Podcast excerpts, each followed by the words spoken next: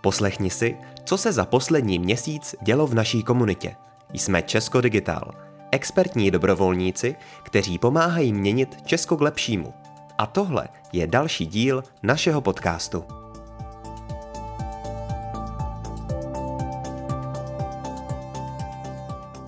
Ahoj Česko Digital. Není nad vlastní zkušenost a tak ti povíme, jak si vedou projekty pomoci Ukrajině. Neúnavná práce na zlepšování Česka pokračuje, proto vítáme na palubě nové projekty. Online setkání nahrazujeme setkáním tváří v tvář. A chceš vědět, jaká aplikace překabátila design? Vše se dozvíš v novém naditém newsletteru za měsíc únor. A jaké jsou horké novinky měsíce února? A sakra, cože je to vůbec systémová změna? V Česko Digital uvádíme novou vizi. Máme za sebou několik měsíců zkoumání, zjišťování a workshopové práce na systémové změně. Na společné online diskuzi jsme s komunitou sdíleli koncept systémové změny, proč do toho jdeme, jaký problém chceme řešit a co to znamená pro naši organizaci. Jdeš do toho s námi? Zkoukni záznam z diskuze na našem YouTube Česko Digital. A nebo přečti si více o naší nové vizi na Wiki. Odkaz najdeš v blogové verzi newsletteru na blog Česko Digital. Ode dne, kdy vznikly projekty na pomoc Ukrajině, už uběhl jeden rok. Komunita Česko Digital se společně s ČVUT, AK, MolTV, Czech New Center, Solid Pixels a mnoha dalšími podílela na vývoji projektu na pomoc těm, kteří prchali před válkou. Díky stovkám expertních dobrovolníků a našim partnerům se podařilo vytvořit šest projektů s nesmírným dosahem. O tom, jak projekty vznikaly a jaký byl jejich dosah, se dovíš v blogovém článku od Lucie Porazilové. Článek najdeš už klasicky na blog Česko Digital. Sedm nových projektů v komunitě Česko Digital. Najdi si novou roli. Výběrovým řízením na projekty Česko Digital prošlo v posledních týdnech hned sedm nových projektů, které nyní skládají týmy. V novém blogovém článku od Jana Hoblera se dozvíš, jak takové výběrové řízení probíhá, nebo co motivuje neziskové organizace se přihlásit. A hlavně, jaké projekty přibyly a co mají za cíle. Aplikace, která pomáhá při duševních obtížích, má díky dobrovolníkům nový design. V roce 2022 jsme se společně s týmem Nepanikař a nadací PPF pustili do redesignu aplikace, která téměř čtyři roky pomáhá lidem zvládat úzkost, deprese a další psychické potíže. Nový design je vizuálně trendy, user-friendly a jednoduchý. Co na to říkají samotní dobrovolníci a jak redesign probíhal? Přečti si blogový článek od Kateřiny Millerové. Aplikace Nepanikař se objevila v novém díle našeho podcastu. Naše program lead Romana Pokorná vyspovídala Veroniku Kamenskou z organizace Nepanikař a Janu Tomas Sedláčkovou z nadace PPF.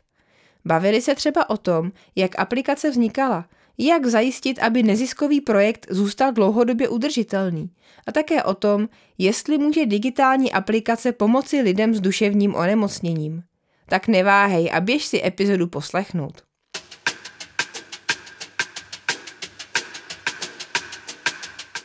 A nadešel čas na dobrotyp měsíce února od Lenky Moravcové. Jak skrotit chaos ve svých úkolech? Tásky, termíny. Inspiruj se v agilním řízení s Kanban tabulkou i pro své osobní úkoly. Stačí tři sloupce udělat, v procesu hotovo. Zkus třeba aplikaci Trello, kterou využíváme v obsahovém týmu.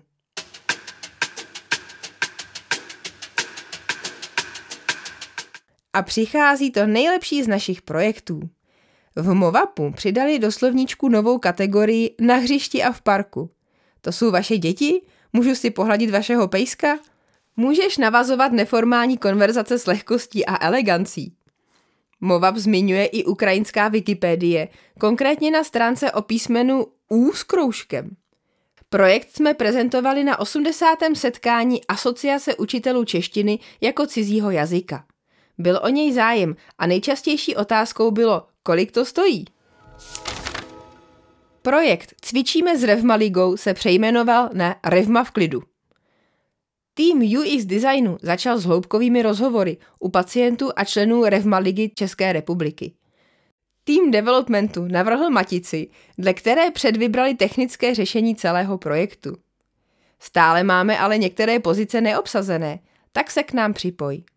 Více zjistíš na projektové stránce na naší wiki, anebo se ozvi do projektového kanálu ve Slacku.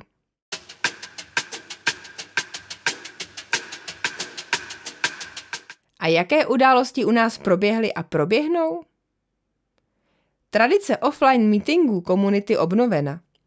Ve středu 1. února se konal třetí offline meetup komunity v Opero. Příležitost poznat se ve 3D využilo téměř 100 lidí. Uvolněné atmosféře se snadno navazovaly nové vazby či upevňovaly ty už nastartované. V Brně v prostorech Kiwi.com proběhl v únoru další Day, tentokrát otevřený i pro veřejnost. 13 lidí, kteří se dozvěděli více o základech copywritingu a vyzkoušeli si napsat různé texty rovnou na místě, odcházelo s úsměvem na tváři a s batuškem plným merče a know-how. Nakonec jsme to ještě zakončili super afterparty. Chceš se i ty nachytřit v copywritingu? Další Copy Day plánujeme v květnu v Praze. Těšíme se na tebe. Pravidelné Hack Days. Další akce naživo, ke kterým se po delší pauze vracíme, jsou naše Hack Days. Scházíme se každou poslední sobotu v měsíci Praze v prostorách pracovny. Únorový Hack Day byl věnovaný hlavně technickým tématům od testování až po doporučení na výběr technologií. Připoj se na další Hack Days nebo Copy Days, sleduj portál dobrovolníka, ať ti žádný z našich eventů neuteče.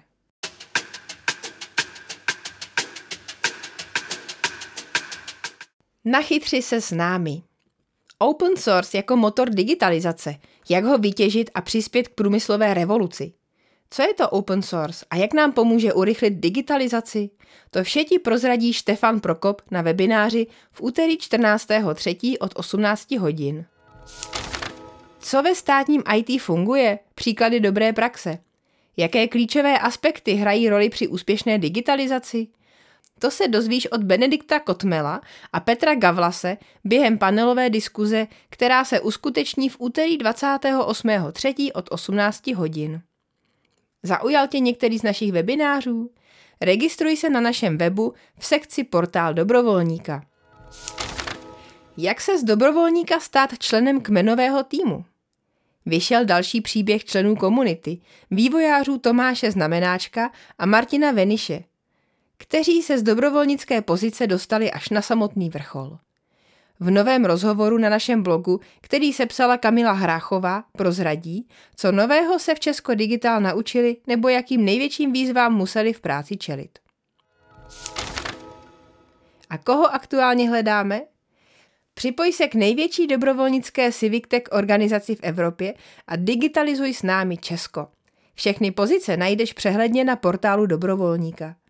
A víš, že na portálu najdeš pod názvem Marketplace i příležitosti od neziskovek mimo Česko Digital? Tak tam mrkni. Digitálu zdar.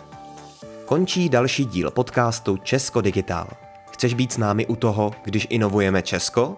Stačí se přidat do naší komunity expertních dobrovolníků. Více na česko.digital.